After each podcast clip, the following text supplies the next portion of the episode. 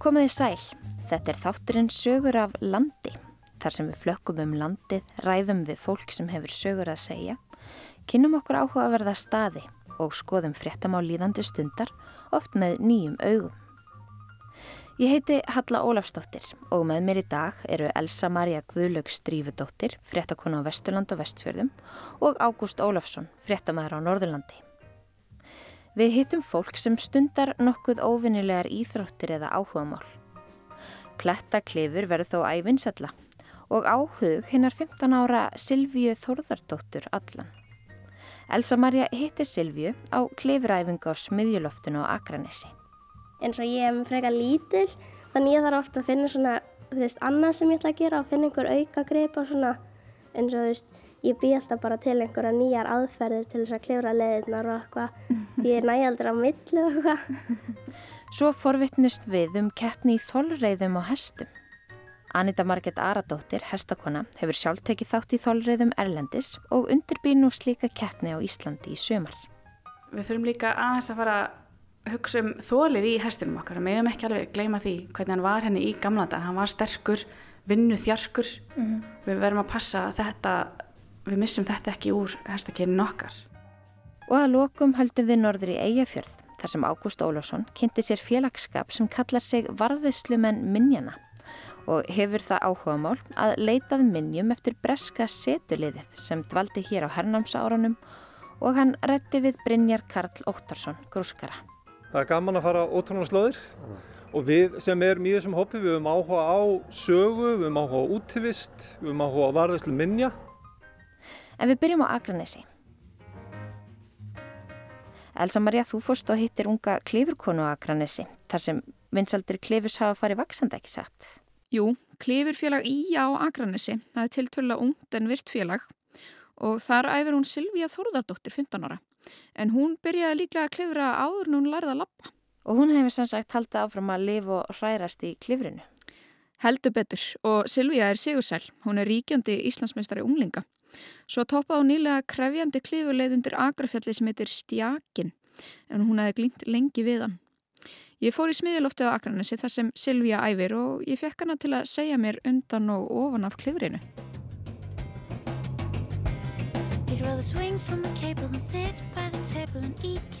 Ætlar að taka bláu leðina? Já, ég get reynt að klera hann á sokkunum en getur alveg svolítið erfitt samt. Já, þú þarf náttúrulega að vera í sérstökum skóm. Já, annars nærmar ég lengur gripi á svona gripunum. Já. Hvernig eru skórnir? Þeir eru svona frekar skrítnir í læginu og frekar þröngir, eða mjög þröngir. Fólki finnst þeir yfirlegt ekki þægilegir. Þeir eru með svona gummi þannig að maður svona rennur ekki. Af hverju eru þeir svona þröngir? Bara af því að maður vill ekkert einhvern veginn stíga og svo bara hristast þér allir á manni og svo kannski dettur maður úr þeim með eitthvað. Þannig er maður ekkert svona taki. Þannig að þú skellir þér í skóna og klifrar upp, er það ekki? Jú.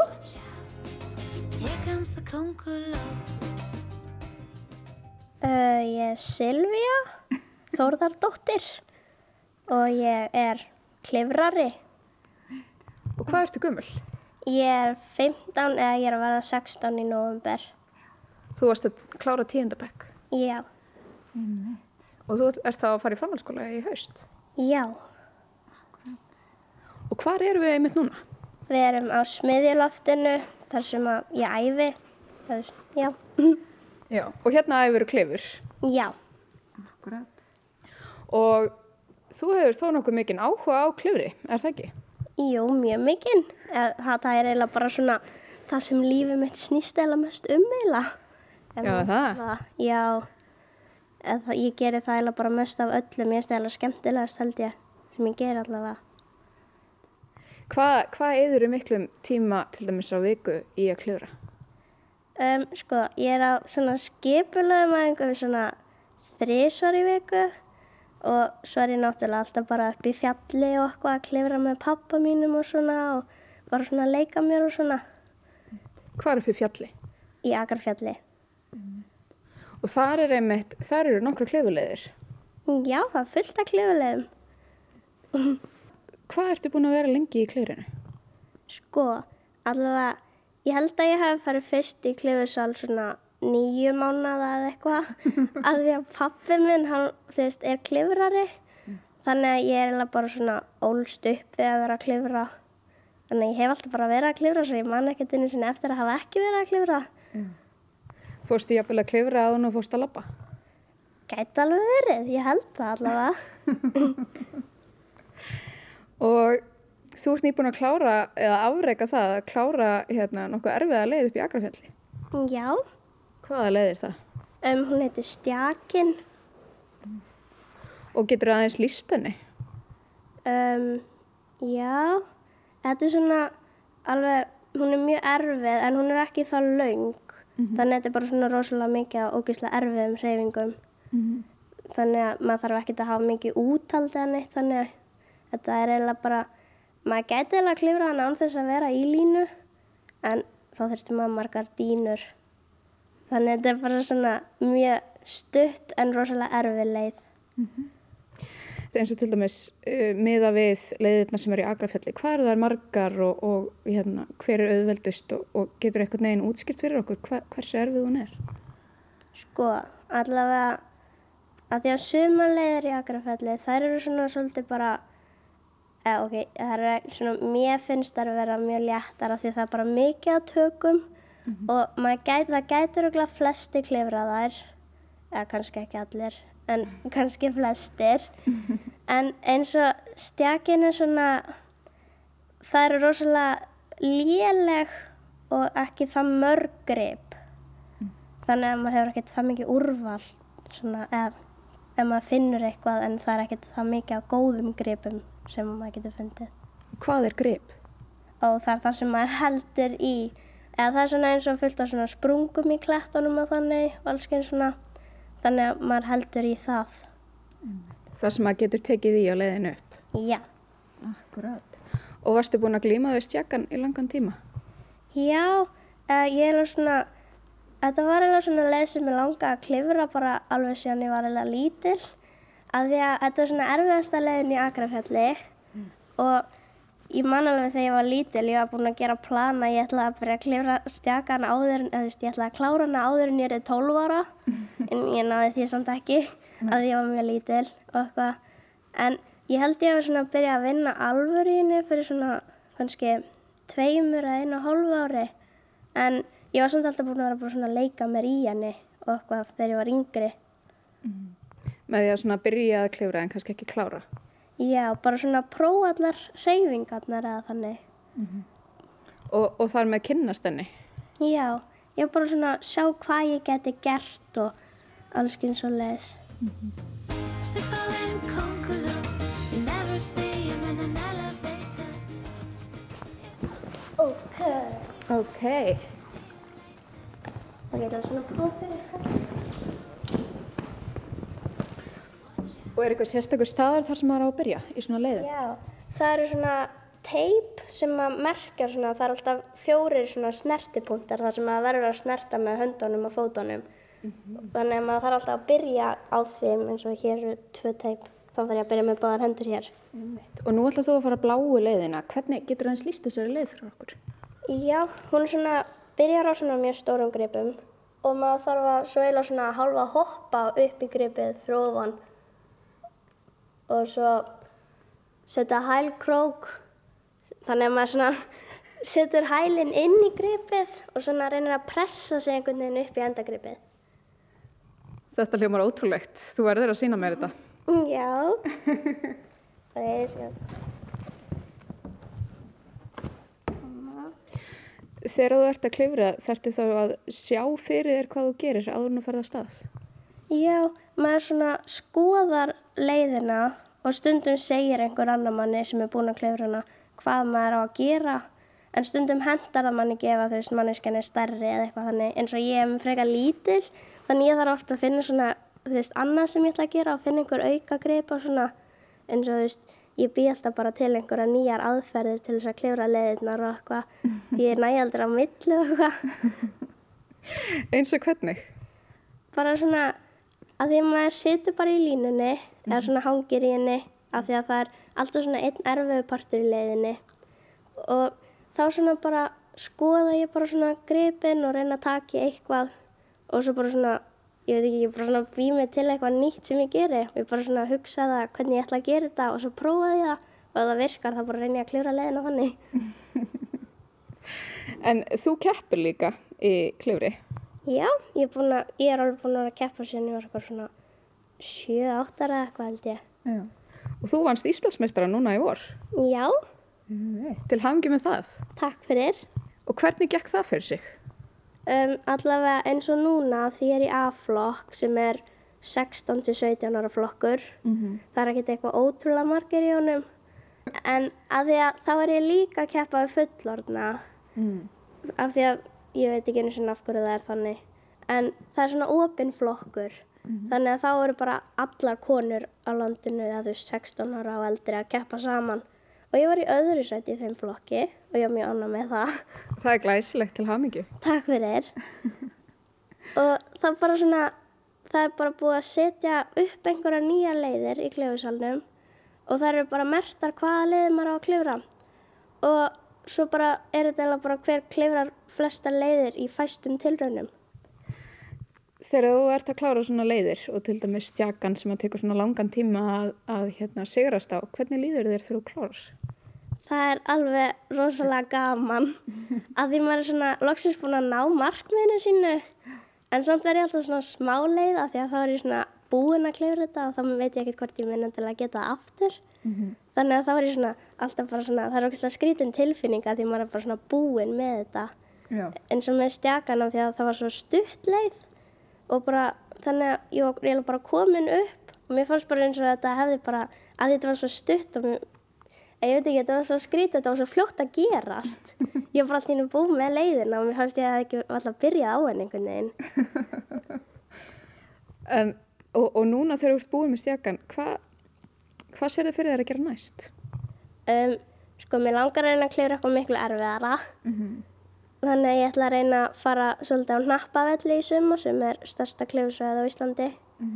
Og það er sko mér langar að reyna að klifra nok einhverja leið sem að er sko að því að það er svona gráður hversu erfitt það er sem að er 5.13 og það er held ég erfiðasta sem að einhver kona hefur klifrað á Íslandi. Þannig að mér langar mjög mikið að reyna að klifra það erfitt Já, það er ekki, þú verðist ekki að gardin þar sem hann er lægstur. Nei Og hvað þarf maður til að bera til að vera góður klifrari?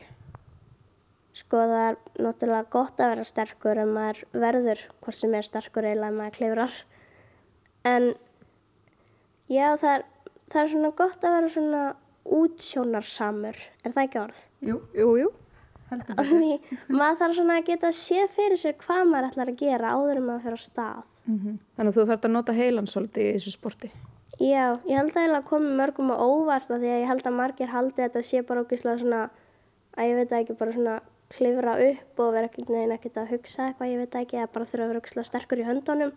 En það er eiginlega líka bara svona oft, maður þarf að vera með svona mjög leiðugur og svona sumar hreyfingar svona þurfa að vera mjög svona tæknilegar og allskins, þannig að maður þarf að vanda sig oft mjög mikið og maður þarf alltaf að hugsa mjög mikið á meðan maður er að klifra og áður en maður byrjar að klifra. En eru margar stelpur á þínum aldri sem eru konar þetta langt í klifrinu? Já, eða allavega það er reyndar ekkert það margar stelpur sem að, eða það er enginn sem að svona er eitthvað með mér að klifra það mikið úti eða eitthvað svona erfitt úti. En náttúrulega þegar við erum á klifuræfingum þá eru bara þau stelpurnar sem er að æfa sem við förum oft upp í fjall og svona og eitthvað. En það er alveg mjög margar stelpur sem eru mjög góðar í inniklifri og eins og búldir og svona. Hvað er búldir? Æja, það, það er svona þegar maður er að klifra hérna inni eða reyndar úti líka. Þegar maður er ekki í línu, maður er bara að klifra styttri leiðir með dínu undir sér. Og, og þá er það sem sagt línuklifur og svo búldir. Já, eða það heitir enda grjótglíma á íslensku. Já. Það er nú fallegt orð. Já,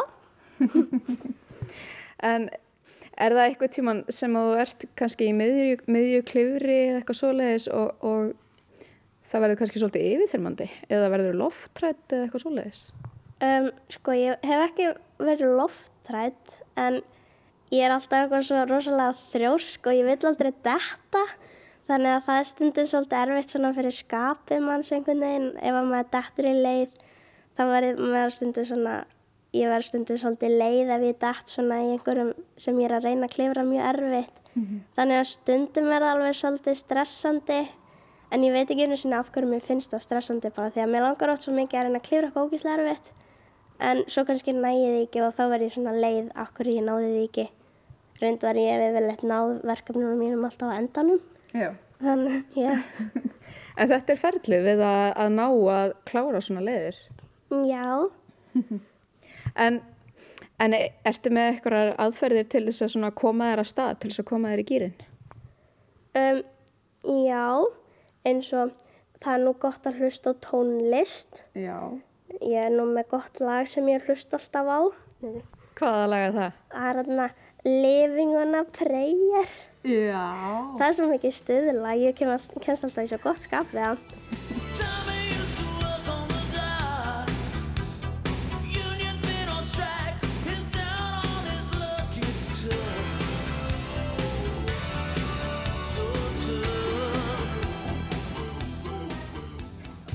Þetta var nú ekki lengi gert. Nei. En þá, eh, maður sá að þú þarf að vera í allskinn stellingum þegar þú ert að klifra svona upp. Já, þess vegna hjálpa mjög mikið að vera liður. Og geta fært fæturnar jafnvel upp fyrir höfuð. Já, það er alveg í sumum leiðum. Glæðislegt. Silvija, takk kærlega fyrir. Takk fyrir.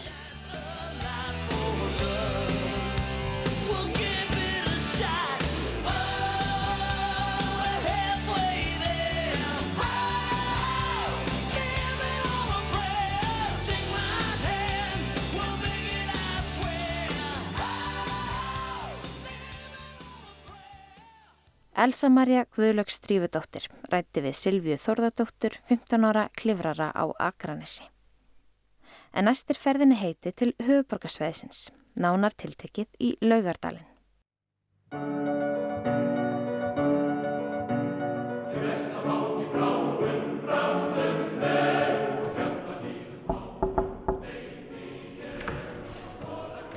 Er ég á réttum stað? Hæ, já, töndinn. Takk fyrir.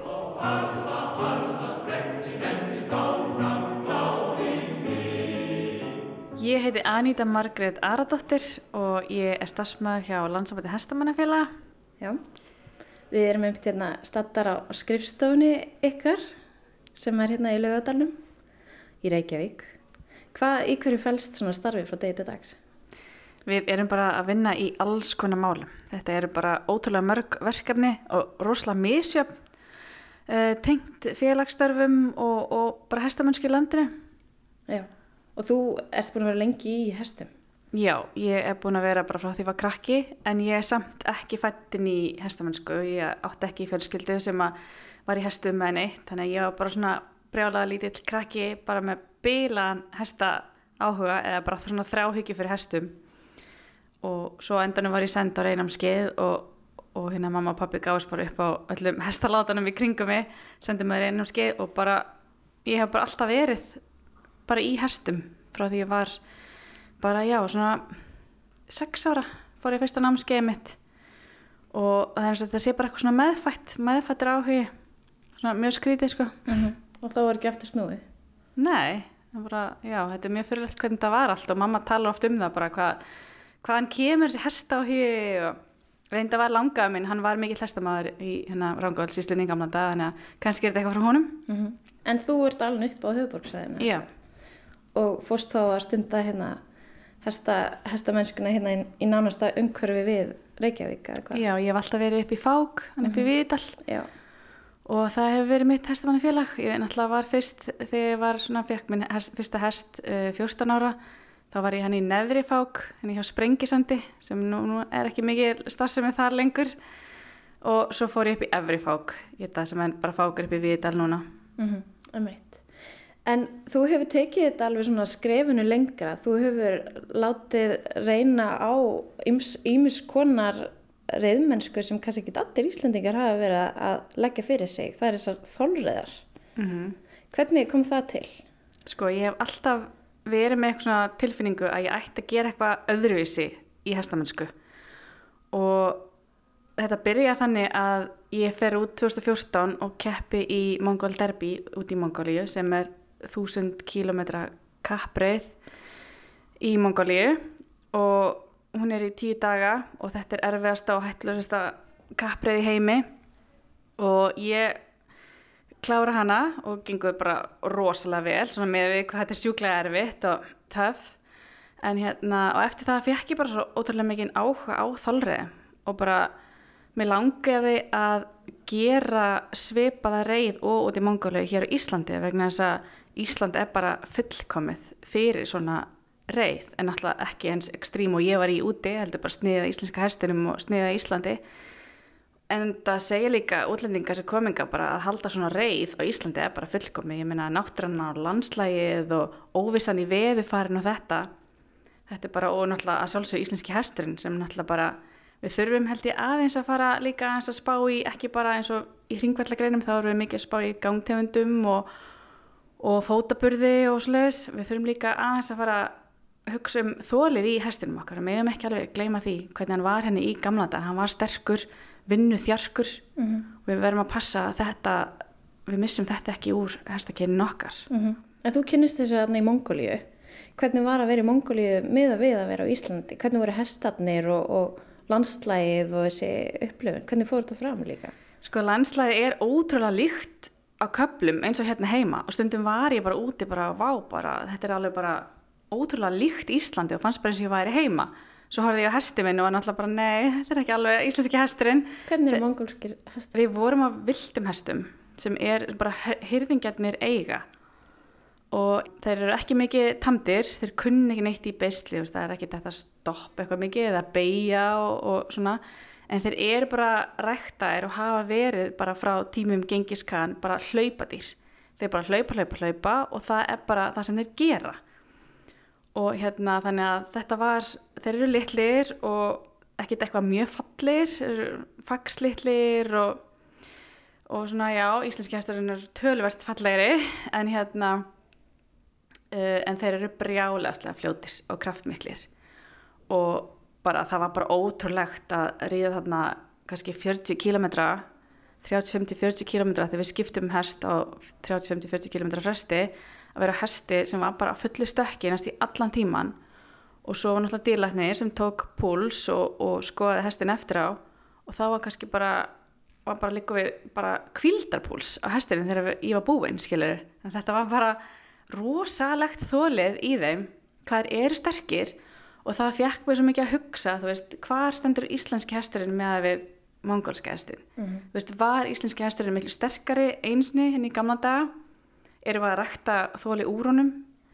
Þannig að það fekk mig svona að hugsa og þá langaði mig að mynda að fara að gera svona keppni á Íslandi sem að fólk fengi áhuga á og fólk færi þá kannski að fylgjast með þessari grein og, og, og hestamenn færi kannski líka að hugsa hans út í það að þetta er eitthvað sem við verðum að varðveita í íslenska hestinum. En ef við hugsaum um eins og bara söguna, að þá er allavega svo ímynd sem maður hefur af íslenska hestinum, að þetta hafi verið ferðahestur og, Já. og, og nota náttúrulega mjög mikið í göngur og smalamennsku og, og, og þá getur maður ekki ímynd sér annað en að, hann hafi þurft að vera með gott þól. Já, einmitt. Og hva, hver voru næstu skrif? Þetta var 2014. Frá 2014 og hérna ég fer þess að nokkur mánu setna þá fer ég á fund með landsambandi hestamannfélag og bara kynni þetta verkefni og mína hugmynd fyrir þeim og aðtjók hvort þeir hafi ekki bara áhuga að vinna þetta með mér sem gekk síðan á endanum þeir hafðu áhuga á því og, og hér erum við komin bara, erum bara fulli núna að undirbúa fyrir sumarið næstu þólrei. Við heldum þólrei í fyrra sem við gerðum bara svona óopinbera, bara vorum bara svona að testa hvort þetta gengi og hvernig og svona og það gekk bara svona rosalega vel og við vorum með fjóra knapa, tvo íslenska og tvo ellenda og þannig að við ætlum að halda núna í fyrsta skipti sumar svona opinbera reið þar sem verða 8 til 10 knapar og gerum þetta svona alvöru alvöru í. Já, og hvernig lögðu þetta upp og hver, hver, hvert fór þið? Og hvað leið fór þið? Í fyrra, Já. við fórum sérst yfir kjöl. Við byrjum á lýtingstöðum í Skagafirði og svo reyðum við yfir hálendið yfir kjöl og við endum á skóarhólum í, í, á Þingvöllum. Já, Og hvernig var keppninni háttað? Voru þið þá með nokkra hesta eða hvernig virkaði þetta? Já, þetta voru sko fjóri knapar og það var þrýr hestur á hvert knapa og þetta er sem sagt liðakeppni þannig að það er einn knapi og tveir aðstofmenn og aðstofmennin sjá um að keira hina hestana á milli staða og taka við hestum sem knapin var að klára og undirbýr næsta hest og þannig að þeir spila líka mjög mikið þátt í þessu og þetta formið svona mjög mikið kefti í þólreim ellendis. Það er svona krú í kringum hesta á knapan og einmitt líka það að þolræðar eru alveg rosalega stór íþróttagrein ellendis. Það eru margar miljónur út um allan heim sem keppi í þessu. Mm. Þannig að maður finnst svona, akkur er þetta ekki til á Íslandi með þetta landslega og þennan íslenska hest sem við eigum. Þetta er bara eitthvað sem við bara verðum að fara að bara koma í gang. Mhm. Og hvað, var, hvað voru knapanir að fara þá langt á hverjum degi og, og, og hvernig þóldu hestarnir þetta? Knapinir eru svona 25-35 km á, á hesti og skiptir síðan um hest og það er náttúrulega dílarnir sem aðtögar hestin og skoðar hann og mæli púls og öndun og aðtögar hvort hann sé nokkuð með áverka eftir leðina. Og síðan hérna leiðirnar voru sko bara misjafnar, bara roslegt landslag, farið yfir ár, fjöll, mýrar, bara alls sko eins og það sem kjölir hefur að bjóða, bara óvissa, stundum fannst ellenduknöfunum áttu töluðið mitt um það hvað væri magnaða tímbilið var bara eins og að ríða tunglinu, svona tungl landslag, en í sömar stefnum við á að vera annar staðar. Við verðum svona söður hálendinu í Já. ár, þannig við ætlum ekkit alltaf endilega að vera að ríða sem er leið. Það er mjög gaman líka bara að breyta til og kannski það næsta ári verðum við fyrir norðan og Og hvaða leið er þetta sem eru að fara núna? Hvar byrjiði? Við ætlum að geta aðeins öðru sinni fyrra, við ætlum að vera með base, bara svona eitt base sem er verður á rjúpnavöllum á hellu, rétt í hellu og þaðan ríða knaparnir svona út frá þe þeirri stöð. Þannig við ætlum að hafa þetta svona aðeins öðru sinni form heldur en í fyrra. Þannig að það sé kannski minni keisla með hestan í kerru og, og svona þægilega bara fyrir alla að vera alltaf á sama stað. En þetta er keppni, eða hvað? Já, þetta snýst um að bara vera fyrstur í mark og að þú komist í gegnum dílarniskoðunar án refsistega. Sem sagt, ef að púlsinn verður að vera komin niður í 56 lög á mínútu hjá hestinum, hálftíma eftir að hann er komin í mark. Og ef að hann er ennþá yfir þessu marki, þá fær knapi refsistig og það bætir síðan við tíman hans. Og þá er markmiði bara að knapin sé ekki að reyna um of á Já. hestin. Þannig að knapin verður að skinja hestin mjög vel og vera næmi fyrir því hvernig hann líður, hvernig ástunda honum, hvernig gengur og, og skinja hestin geti farið að hraðar, var ég að hæga mig núna, þetta er ekkit eitthvað sem allir hestamenn hafa eða allir reymenn hafa. En flestir nú samt, en þetta, þetta er svona íþróttagrein sem að snýst um það, að skinja hestin og, og geta lesið hann. Og gekk þetta vel í, í fyrra? Þetta gekk rosalega vel. Uh, allir hestindi kom bara rosalega vel út en við erum náttúrulega bara að nota sérstakka tegund af hestum. Við erum ekki að nota hvaða hesta sem er. Þetta eru allt nöyð sterkir hestar sem eru búin að vera í hestaferðum í mörg mörg ár og eru lámark 12 vitra hjá okkur í fyrra alltaf, voru í 12 til 18 vitra í fyrra. Þannig að við erum ekki að nota unga hesta en eitt svoleiðis við erum að nota þrautreynda hesta sem eru búin að vera í hestaferðum allt sömarið og eru bara komnir í toppstand. Í fyrra þá bara, þetta var bara komið rosalega vel út, þetta voru alltaf refsistig hér og þar og það er líka bara eðlilegt. En það var ekki, það var ekki þurft ekki að dæma neitt nú leik ef við sjáum að það er hestur sem er bara ekki að þóla þetta, þá er hann dæmdur úr leik og knapin með þá.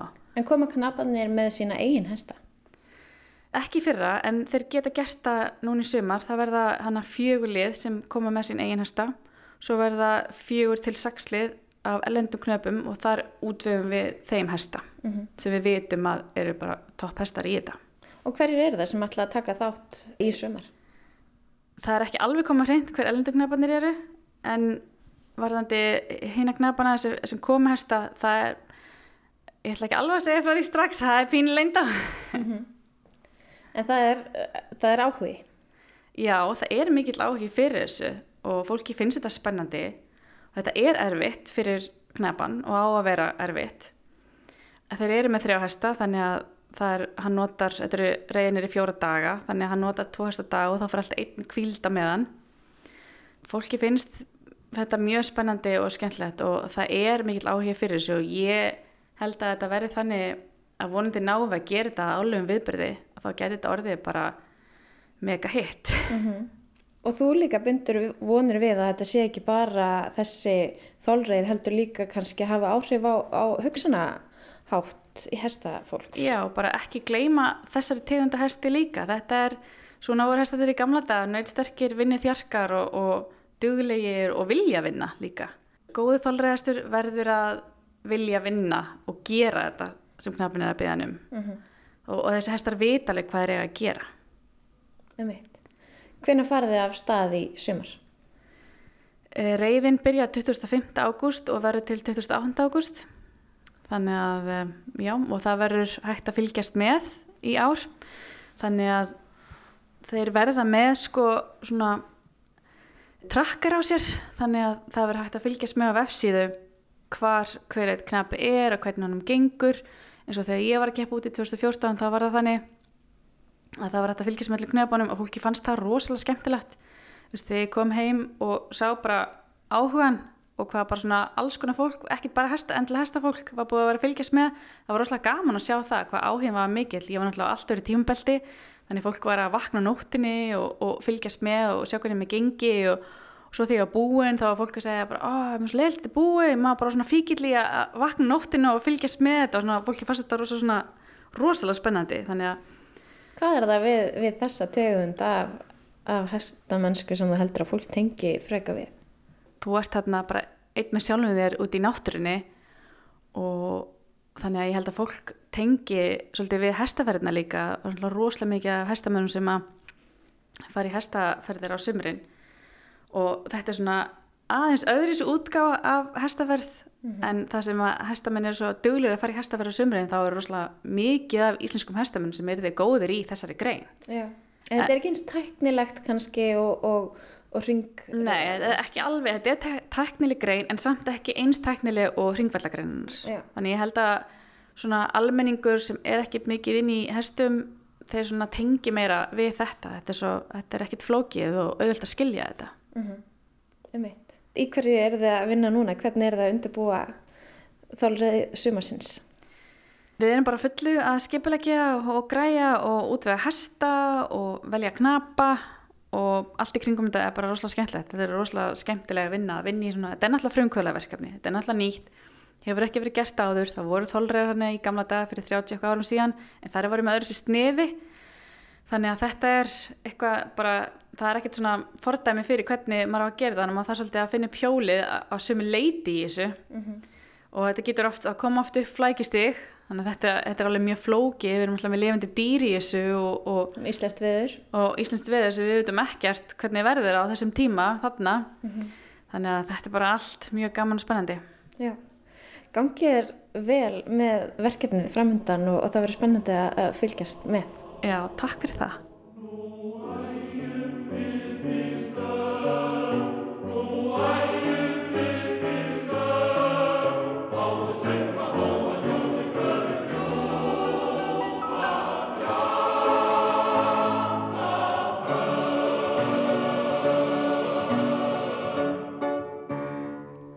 Þarna heyrðum við í Anitu Margreti Aradóttur, hestakonu, sem skipulegur keppni í þolreiðum sem fer fram í lok sumars. Og við höldum ferð okkar áfram um landið og höldum næst norður í Eyjafjörð.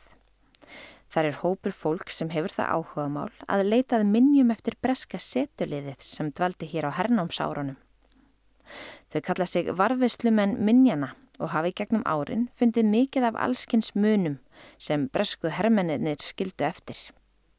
Nú síðast voru þau köllu til þegar ummerk eftir breskan hermannaskála fundust. Rétt áður en grafátti fyrir húsum í nýju íbúakverfi við Lónsbakka í Hörgarsveit.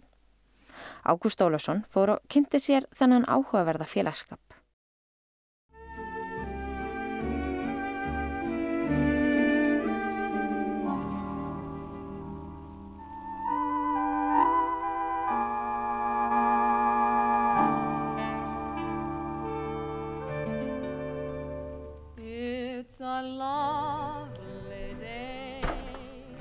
Sælvertu, Blessaður. ég var að fara eitthvað hérna bara Við getum verið, við getum verið bara út á palli, sko. Það verður bara út á balli? Já, já. Það ok. það er fínt, sko. Eyes on tomorrow's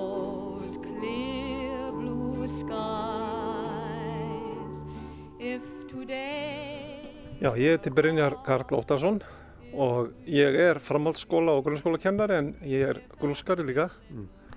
Byrna, við erum að tala um það sem þið kallið varðveislumenn minjana. Þetta er áhugavert heiti og, og fyrir hvað stendur það?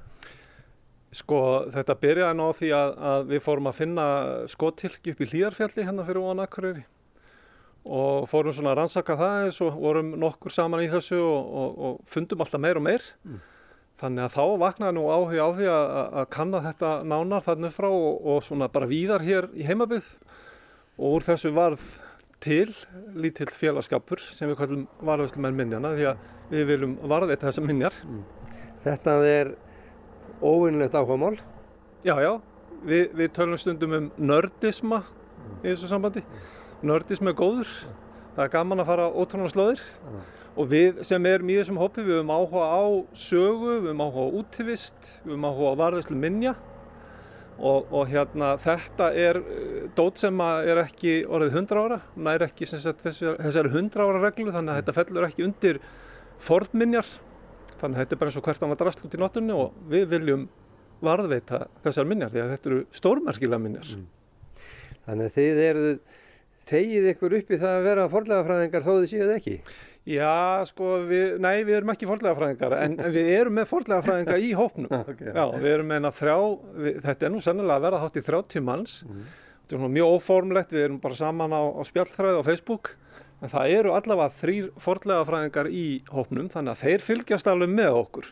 Að þetta fær nú allt saman uh, vel og, og eðlilega fram því að við viljum að sjálfsög ekki gera eitthvað sem okkur er ekki heimilt eða, eða vera að, að hérna grafa ofan í jörðin einhverstað sem mögulega eru einhverja fornminjar. Við, við hérna förum eftir öllum reglum og, og lögum í þessu sko. Þið eru búin að vera lengi í þessu, við þekkjum, þekkjum sögurnar og hlýðar fjallir þess að þið eru búin að finna ótrúlega merkilega minjar. Förum aðeins nær í tíman og bara kannski nokkra daga eða vikur tilbaka. Það var hringt í ykkur bara fyrir stuttu þegar var farið að grafa fyrir nýjum húsum. Já, uh, við höfum verið mest þarna upp í hlíðafelli, erum svona aðeins fann að færa okkur niður á lálendi og, og meðal hans fram á Melgilsmela það sem er voru með mikilvæg síðan, en þarna á Lónsbakkaðinni, þar er að, að rýsa núna bara heilt hverfi á grunnum braggana, brasku hermennina. Og, og við fengum leifi verktakans til þess að kanna ákveðin stað þar sem við höfum grunnum að væri kannski gammal ruslahaugur frá þeim og því að þeir höfðu fundið eitthvað, það kom eitthvað upp úr jörðinni við, við jarðaraski þeirra og þar kom eitt og annað í ljós og, og við fengum semst leifi til þess að, að grafa þar ofan jörðina og, og, og já, við náðum að bjarga því en nú held ég að sé komin steipa þar yfir þannig að það er eins gott að varðslumenn minna að náðu því áður en að það glattæst endanlega. Hvað funduð þið? Sko þetta er náttúrulega með svona smámunir auðvitað og, og sko fyrir þá sem að kannski hafa engan sérstakann áhuga á sögu þá er þetta kannski svo hvert annað drasl en fyrir okkur sem að lifum fyrir þetta þá er þetta stór hlut á sögunni. Við fundum til dæmis hermannastífil sem er alltaf merkilegt, heillagt hermannastífil. Við fundum eh, heilar uh, byssukúlur eða skottilki með byssukúlum í. Við fundum hluta af uh, skotbeltum sem var notað við brennvjálbissur sem brettarnir voru með og Lee Enfield riflana. Við fundum tannbusta sem er sérmertur breska hernum með ártalinu 39 og flöskur, livjaflöskur og eitt og annað. Blekbyttu og já, já, já, bara nefndu það. Eh, voruð þið þarna þá að, að grafa í rústum einhvers konar búða eftir herin, einhverjar skálar eða tjöldi eða, eða, hvað? Já, sko, þeir voru með bragga þarna. Það var stórt braggakari á þessum stað og auðvitað þar sem að hermenn komu saman í braggakvarum að þar eru ruslahaugar, þeir eru það að skilja eftir sig rusl og það er nú kannski það sem við erum svona mest að, að leita að. Og þarna virðist sem við höfum komið niður á, eða þeir, sem sagt, þeir sem voru í framkvæmdum þarna, hafi komið niður á eitt slíkan og, og hérna, já, það er líklega tilfellið.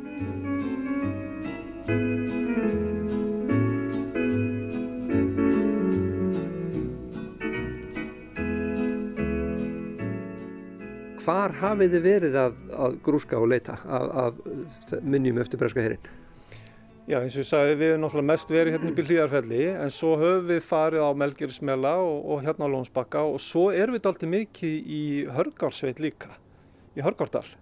Þar voru þeir með mikil umsið, þar voru alveg nokkur svona, nokkur kampar e, á krossastöðum, skóum, laugalandi og, og víðar.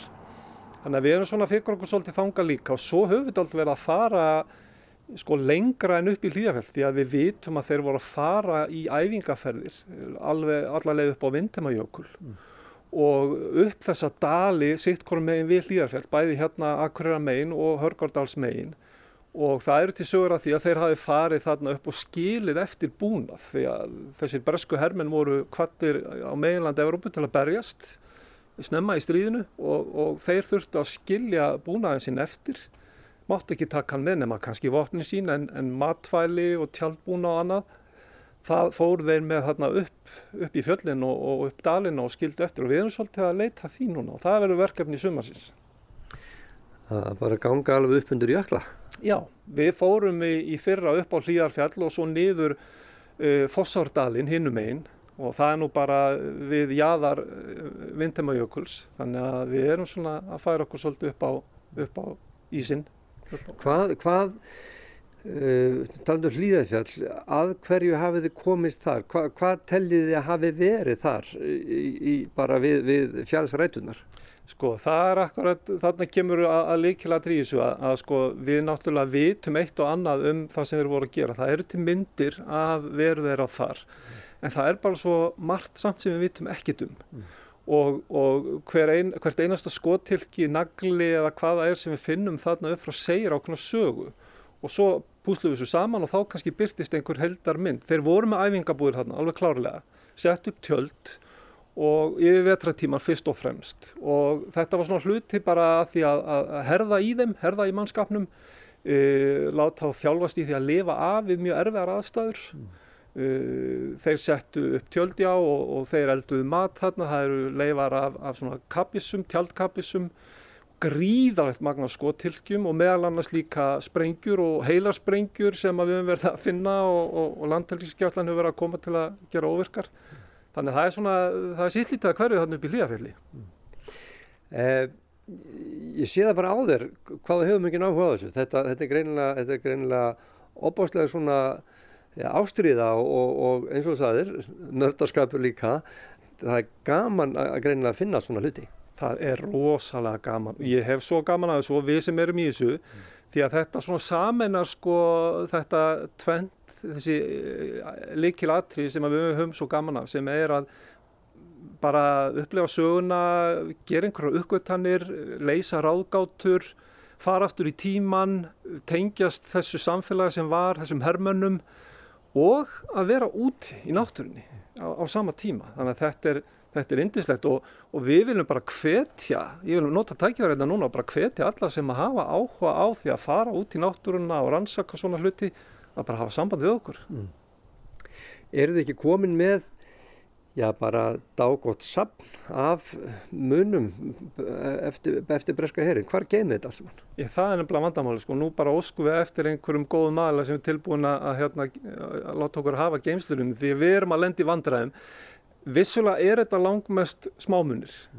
En sko við erum farnir að heyra af stærri hlutum uh, vítt og breytt hérna um fjörðin meðal annars loftvarnabissu og jafnvel flugvelaflagg sem að við erum svona að gæla við að, að mögulega að, að finna. En það er nú ekki komið að því, þetta er nú sögursagnar en þá en, en enn sem komið er þetta bara svona litli hlutir. Við erum bara að geima þetta heima hjá okkur í, í bílskúrnum og, og það er nú einn ein mjög góður varðislumadur Níels Ómarsson sem er, er eh, kannski tekur það mest að sér að geima þetta en það fer alltaf fyllast í honum þannig að við förum að landi vandaræðum með þetta Ertu með þetta bílskotni hér? Getur þú sínt mér eitthvað? Sko ég er nefnilega núna, ég var bara að flytja hérna fyrir stuttu síðan, þannig ég er með mjög lítið hérna hjá mér, en ég er endar með hérna í uh, þrjár tegundir af skotelgjum, af því að það er kannski það sem við höfum verið að finna mesta mm. hérna upp í hlýjarfjalli, ég held að það sé komið vel á annað þúsund skotelgja Mm. og heil skot líka, Mm. sem að við erum að vissulega búin að láta gera óvirk sko, En þetta eru svona það sem að þau, þau skotelgi sem að við erum mest að finna. Það eru þessi amerísku 3006 e, sem að gefur til kynna að bandaríkjamenn hafi nú verið þarna frá og svo er það þessi bresku eh, 303 skotilki sem að eru líklega algengustu skotilki úr setni heimstyrjöldin. Það er alveg sama hvar þú ferð, Normandi, Sovjetríkina, hvar sem er þetta, já kannski ekki Sovjetríkun, en, en þar er þetta, finnst þetta í miklu magni, þessi bresku skotilki og svo þessi hérna fyrir skambisur, uh, 45 kalibera. Mm. Uh, Þannig að þeir hafa verið að skjóta úr skambissum líka þarna. Og þessi skotilki hérna eru bæði úr rifflum og, og vélbissum og, og svo skambissum. Þetta er, þetta er bara stráheil skotelgi. Sko þetta eru skotilki sem er búið að skjóta, maður sér það hérna á botninum, að það eru svona lítil gött á botninum. Þannig að hér er ég bara, þetta er feik sko, ég er búinn að púsa þetta upp og setja, af því að við erum að finna líka byssukúlunar sko.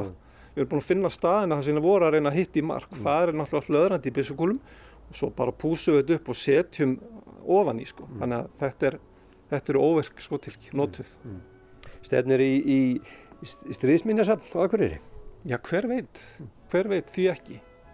En hérna við þurfum nú kannski að, að safna aðeins meir í sarpin á þannig að því kemur en, en það væri gaman. Þetta Er, það, er, það er mikil saga hér á þessu svæði og, og hérna margt sem á eftir að, að rannsaka því að eins og ég segi þetta er ekki orðið 100 ára þannig að forlega fræðingar eru svona takmarka farnir að gefa þessu göm þeir hafa áhuga og minjasafni til dæmis akkur hefur áhuga á þessu en það bara er svo mikið til að minjum og lítið pláss þetta svona fellur út undan svolítið If today your heart is weak. Ágúst Ólafsson rætti við Brynjar Karl Óttarsson, grúskara, sem sagði honum frá félagskapnum varðvislu mönnum minjana. Just forget your troubles and learn to say tomorrow is a lovely day.